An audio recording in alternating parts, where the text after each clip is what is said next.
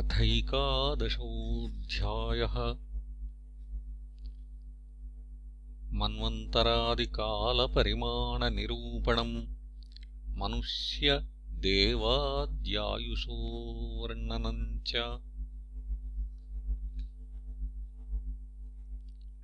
मैत्रेय उवाच। चरमः सद्विशेषाणामनेको संयुतः सदा। परमाणुः स विज्ञेयो नृणामैक्यभ्रमो यतः। सत एव पदार्थस्य स्वरूपावस्थितस्य यत्। कैवल्यम् परममहानविशेषो निरन्तरः। एवम् कालोऽप्यनुमितः सौक्ष्मे स्थौल्ये च सत्तम संस्थानभुक्त्या भगवानव्यक्तो व्यक्तभुग्विभुः सकालः परमाणुर्वै। यो भुङ्क्ते परमाणुताम्। सतो विशेषभुग्यस्तु सकालः परमो महान्। अणुर्द्वौ परमाणू स्यात् त्रसरेणुस्त्रयः स्मृतः। जालार्करश्म्यवगतः खमेवानुपतन्नगात्।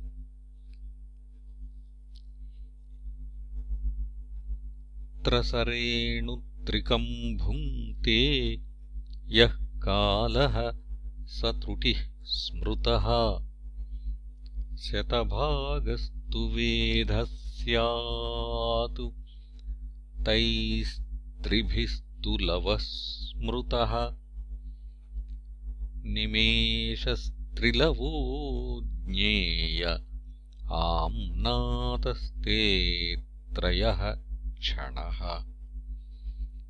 क्षणान् पञ्चविदुः काष्ठाम् लघुता दशपञ्च च लघूनि वै समाम्नाता दशपञ्च च नाडिका ते द्वे मुहूर्तः प्रहरः षड्यामः सप्तवा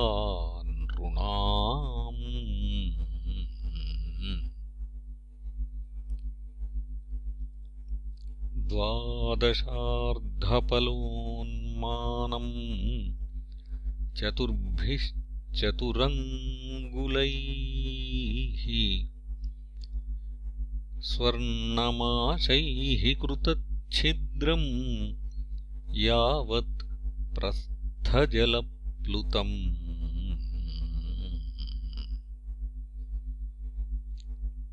यामाश्चत्वारश्चत्वारो मर्त्यानामहनी उभे पक्षः पञ्चदशाहानि शुक्लः कृष्णश्च मानद तयोः समुच्चयो मासः पितॄणाम् तदहर्निशम्। द्वौ तावृतुः षडयनम् दक्षिणम् चोत्तरम् दिवि। अयने चाहनी प्राहुर्वत्सरो द्वादशस्मृतः संवत्सरशतं ऋणाम् परमायुर्निरूपितम्।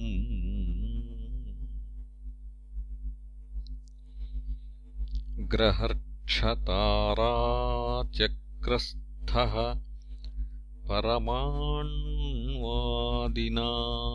जगत् संवत्सरावसानेन पर्येत्यनिमिषो विभुः।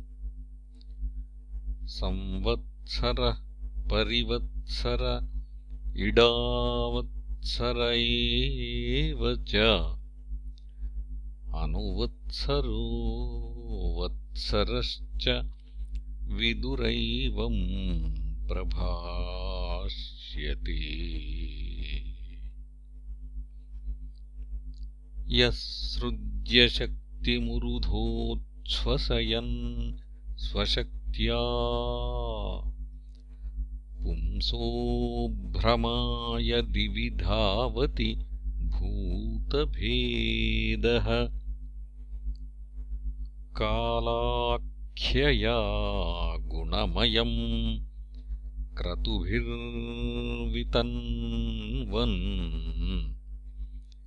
तस्मै बलिं हरत वत्सरपञ्चकाय।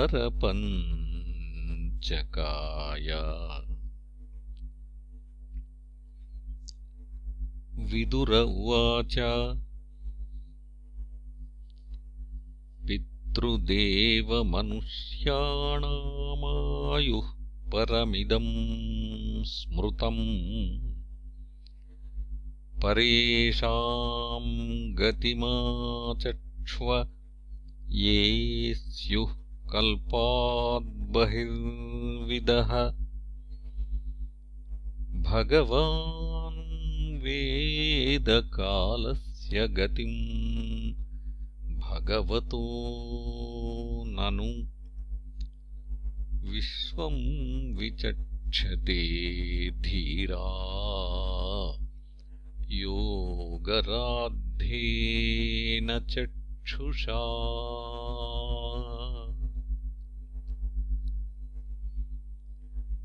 मैत्रेय उवाच कृतम् त्रेताद्वापरम् च कलिश्चेति चतुर्युगम्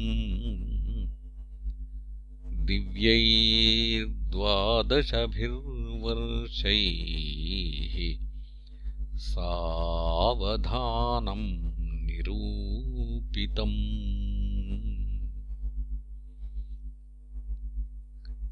चत्वारि त्रीणि द्वे चैकम् कृतादिषु यथा क्रमम्। सङ्ख्यातानि सहस्राणि द्विगुणानि शतानि च। सन्ध्यांशयोरन्तरेण यः कालः शतसङ्ख्ययोः तमेवाहुर्युगम् तज्ज्ञा यत् धर्मो विधीयते। धर्मश्चतुष्पान्मनुजान् कृते समनुवर्तते स एवान्येष्वधर्मेण व्येति पादेन वर्धता।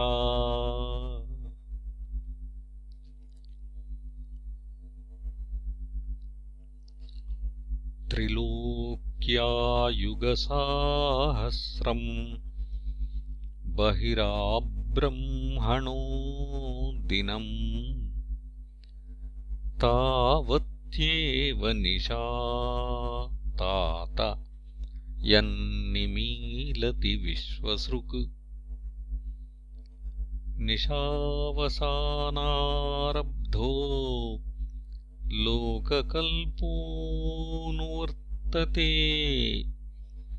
यावद्दिनम् भगवतो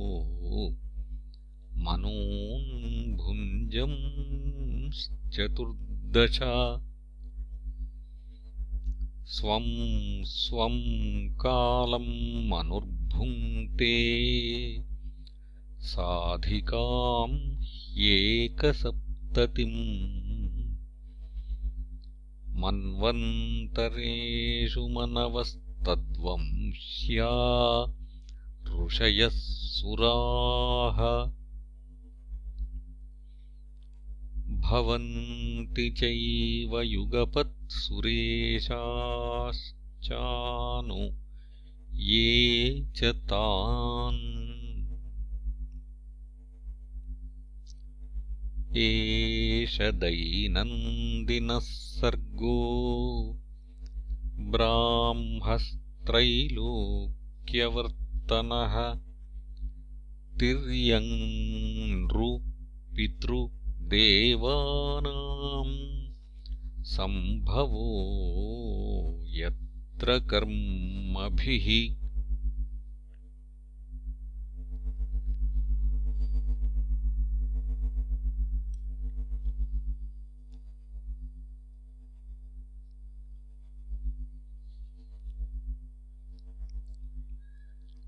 मन्वन्तरेषु भगवान्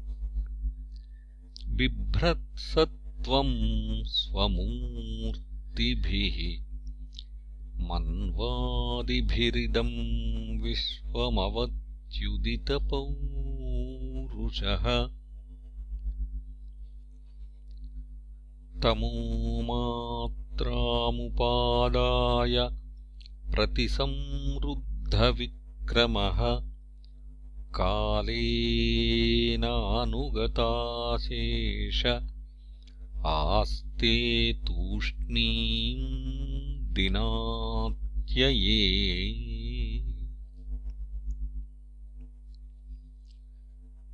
तमेवान्वपि धीयन्ते लोकाभूरादयस्त्रयः निशायामनुवृत्तायाम् निर्मुक्तशशिभास्करम्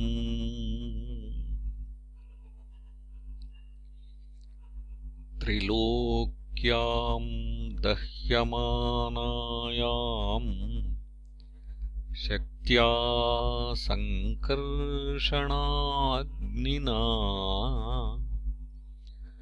यान्त्यूष्मणामहर्लोकाज्जनम् भृग्वादयोर्जिताः।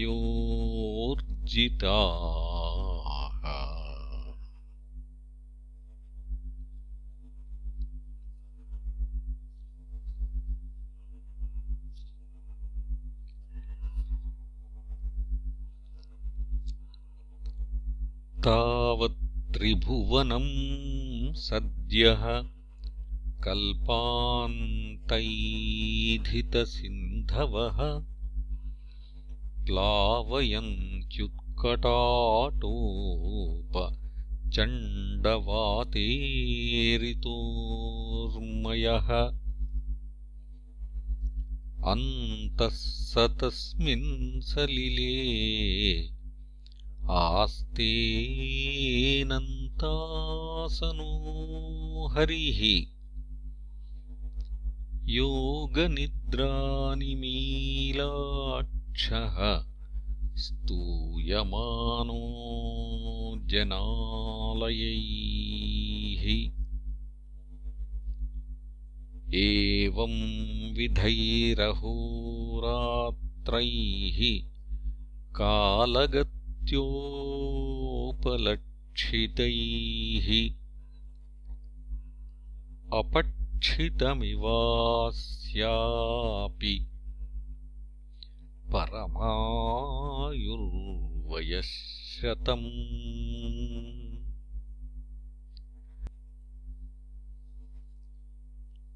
यदर्धमायुषस्तस्य परार्ध इत्थमभिधीयते पूर्वः परार्धोपक्रान्तो ह्यपरोऽद्य प्रवर्तते। पूर्वस्यादौ परार्धस्य ब्राह्मो नाम महानभूत् कल्पो यत्राभवद्ब्रह्मा शब्दब्रह्मेति यम् विदुः। तस्यैव चान्ते च कल्पोऽभूत् यम् पाद्ममभिचक्षते।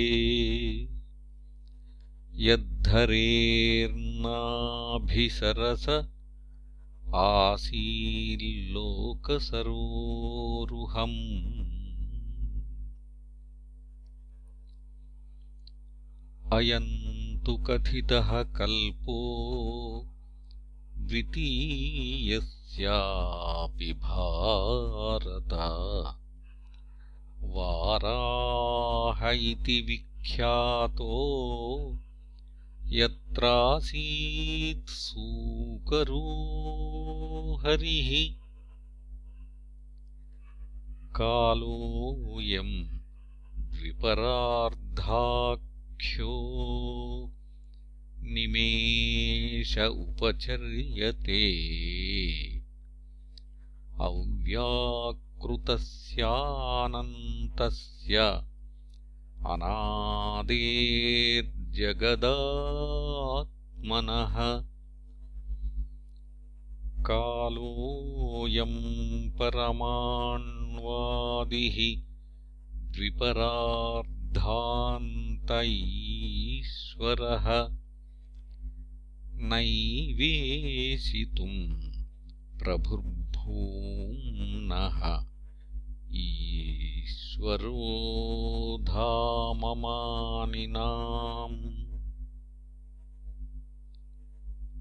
विकारैः सहितो युक्तैः विशेषादिभिरावृतः अण्डकोशो बहिरयम् पञ्चाशत्कोटिविस्तृतः दशोत्तराधिकैर्यत्र प्रविष्टः परमाणुवत्। लक्ष्यतेऽन्तरगताश्चान्ये कोटिशो ह्यण्डराशयः तदाहुरक्षरम् ब्रह्म सर्वकारणकारणम्। विष्णोर्धामपरम् साक्षात्पुरुषस्य महात्मनः। इति श्रीमद्भागवते महापुराणे पारमहंस्याम् संहितायाम् तृतीयस्कन्धे एकादशोऽध्यायः